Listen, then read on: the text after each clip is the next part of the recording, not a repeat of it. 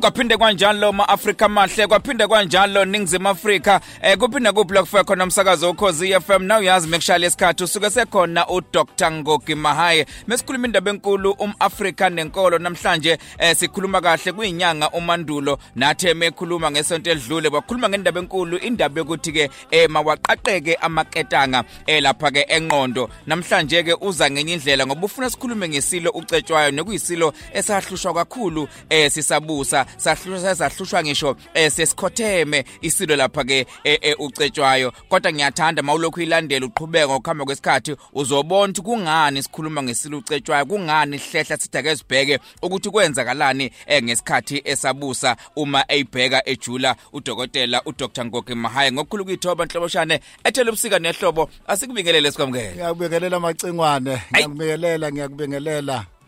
Kuyona inyanga yamagugu lena esikuyona. Mm. Ngithi impanga mpanga kulala ngomkhono macingwane Hey dokotela eh angazi ngoba eh ngitheme ngikhuluma nawe singakangena emoyeni ngoba phela siyasixoxa ngaphambi ukuthi singene emoyeni. Eh ngabona ukuthi hey u- umuntu engaze ayitshela ukuthi awu ukhuluma ngesilo ucetshwayo kodwa seke sakhuluma umlando siyawazi kodwa mawukhuluma uyabona "Mm, mm, ngathi sikakawazi umlando.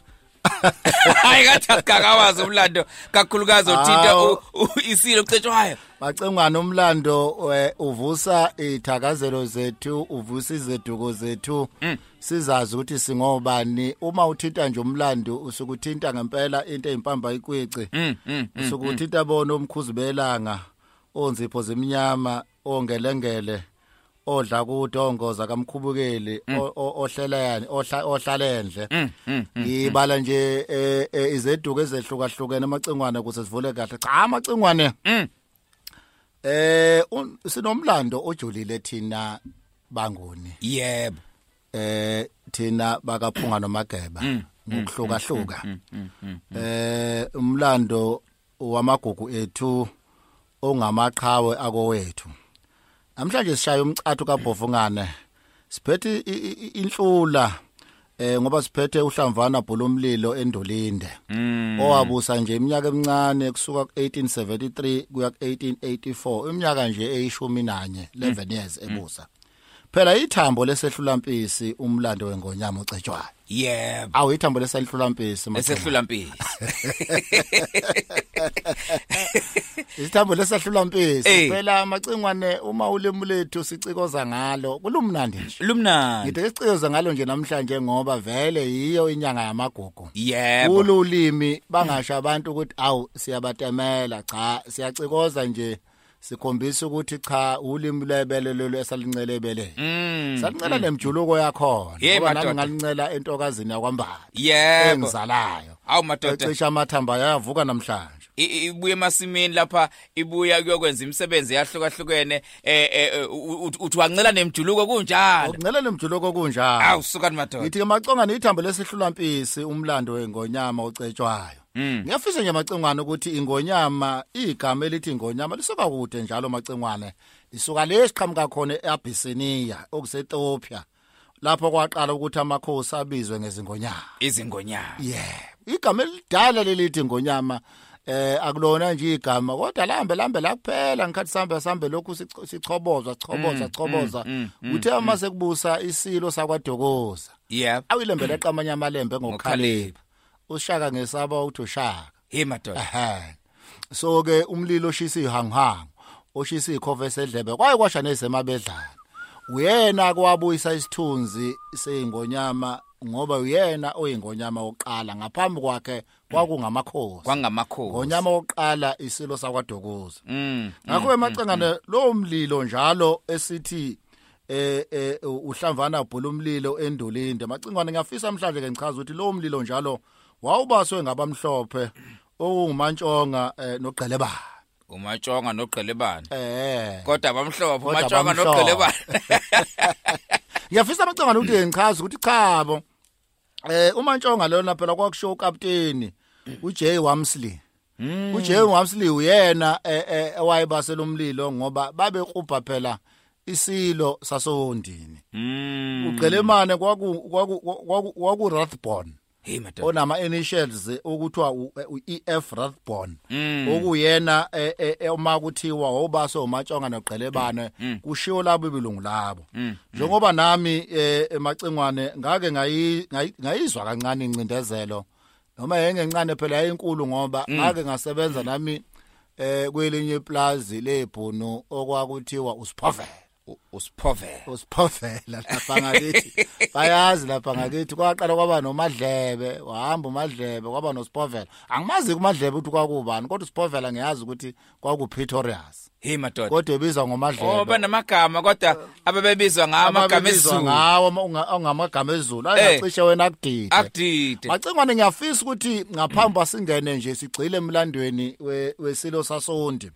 Macingwane ngoba sogcila kakhulu ekuthenini undi undi lapha undi kuzokuthiwa undi olumahlikihlikana kwenzakalala. kwakwenze njani Kodwa sisizwa ukuthi macingwane ngoba ngifuna mayilalela intsha yakithi balalela abantu bakithi uma sihulula lomlando macingwane. But sikhumbuzana ukuthi kubalekile macingwane ubuchopho? Uthe uma uqala wakhuluma ngokuxukuza kogebhe Mm, mm, mm, mm, mm. Ngihlezi no Dr Ngogi Mahaye uthi asiqonde ukubaleka nokusebenza kwemqondo yethu ukuze sikwazi ukulandela nokuqonda ukubaleka komlando wethu njengoba sikhuluma ke ngengonyama ucetshwayo eh kanti uDr. ke eh, uMahaye uthi kubalekile ukuxukuza ugebhezi sinyakazisa amashalofu enqondo. Eh dokotela.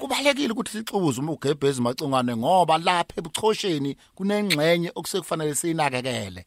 Kube ingxenye ofanele ukuthi noma singena kwisihlengela noma singena emkhulekweni abanye bayakhuleka abanye ba- ba- ba- ba- ba- ba- ba- bashisa impepha abanye bayaphahla abanye benze njalo abanye bawuthandaza Yeah. kodwa kuleso sihlengela sokuthandaza.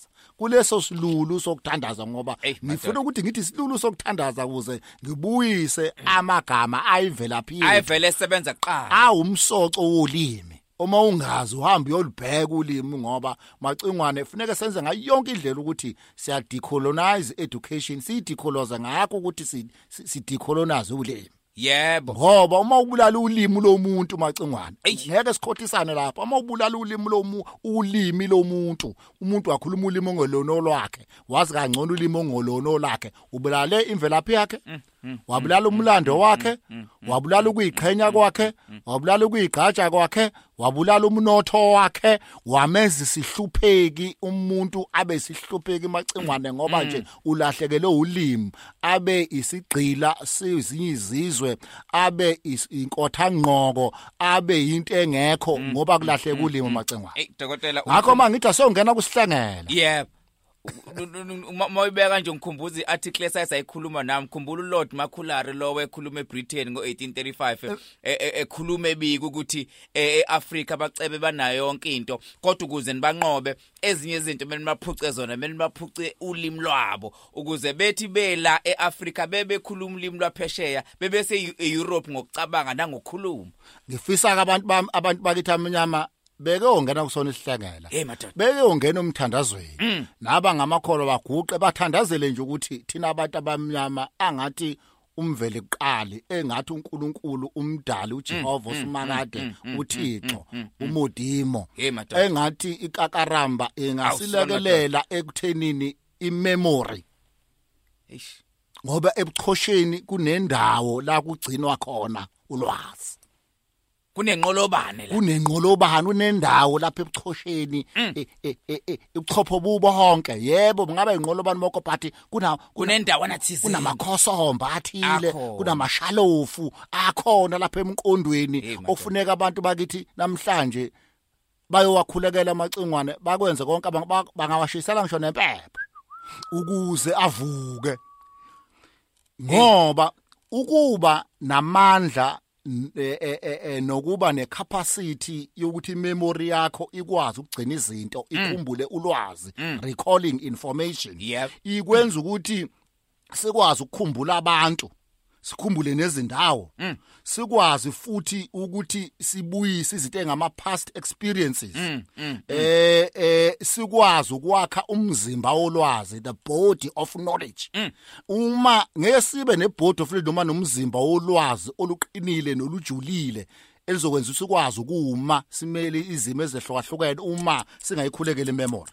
Manje sifanele sikhulekele yombili ngoba yombili le memory ephalekile empilweni yomuntu ba sinayo i-short term memory Okay. sibe ne-long term memory phela ingakho bona i-short term memory ungathi uma uthi inhlanje itelefoni iy'namba zetelefoni uma uzithi inhla usheshe ukwazi ukuyikhumbula noma usungabe uyikhohlwa kodwa ukwazile ukuyibamba wayifaka efonini that's a short term memory. Okay. Ehambe hambe balezi namba lokhu uzazi uzazi uzazi kube khona inamba usuzazi permanent usuzazi ngokugcwele ngaphinde zisuke ekhanda lakho ekhanda. njenge ID number yakho Yes. ifone number yakho inamba ekhona ku website yakho email address yakho yonke into. Lonto lo uyakwazi ukuyenza. Iya ngokuya ke manje yajula itechnology ngoba sesinento eziningi manje ngama security code. Okufanele siyigcine futhi kule ngqondo. sigcine ngoko ngo- ngo- ngo- ngo- ngezinto ezehlukahlukene kodwa lapha ebuchosheni macingwane ngiyafisa ukuthi eh ngoba ngikhulume nge- short term eh eh nange long term bo yona i short term no long term ama ufuna ke sikhuleke amagama fanele siwabize manje angazi ngezulu singathini but ikhona i cerebral cortex ngoba futhi, uma sokhuluma ngomlando kacetshwayo ingonyama ucetshayo namanye amakhosi nomlando wethu nowemndeni yethu sikwazi ukisho kodwa uma i cerebral cortex hey. singayikhulekeli kusihlengela sizokhohlwa nesasikutshelwe omkhulu nobaba nokhokoloti bethu. Ngoba empeleni thina banguni sasinganikwanga ithuba nesipho uNkulunkulu sokubhala phansi. Kwathiwa izinto zethu bathina ijulile izinto izinto zethu zijulile sifuneke ingantshontshwa uNkulunkulu funeke izethu zixoxe singabhalwa phansi bayizontshontsha kalula.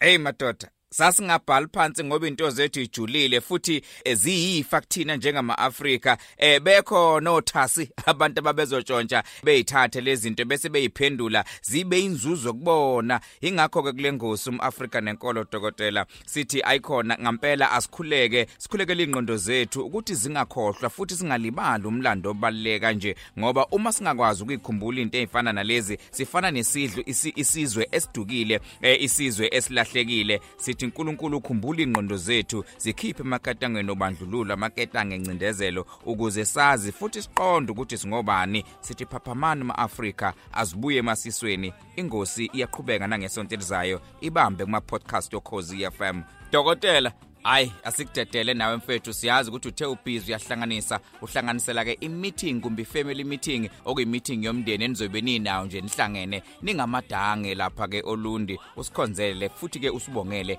eh lapha ke emndenini ukuthi nje usiboleke wena. Eh siyakuthanda kakhulu futhi siyayiqhenya ngawe. uNkulunkulu abe nawe. Sithi ukubonga kwami koba ngayenjalo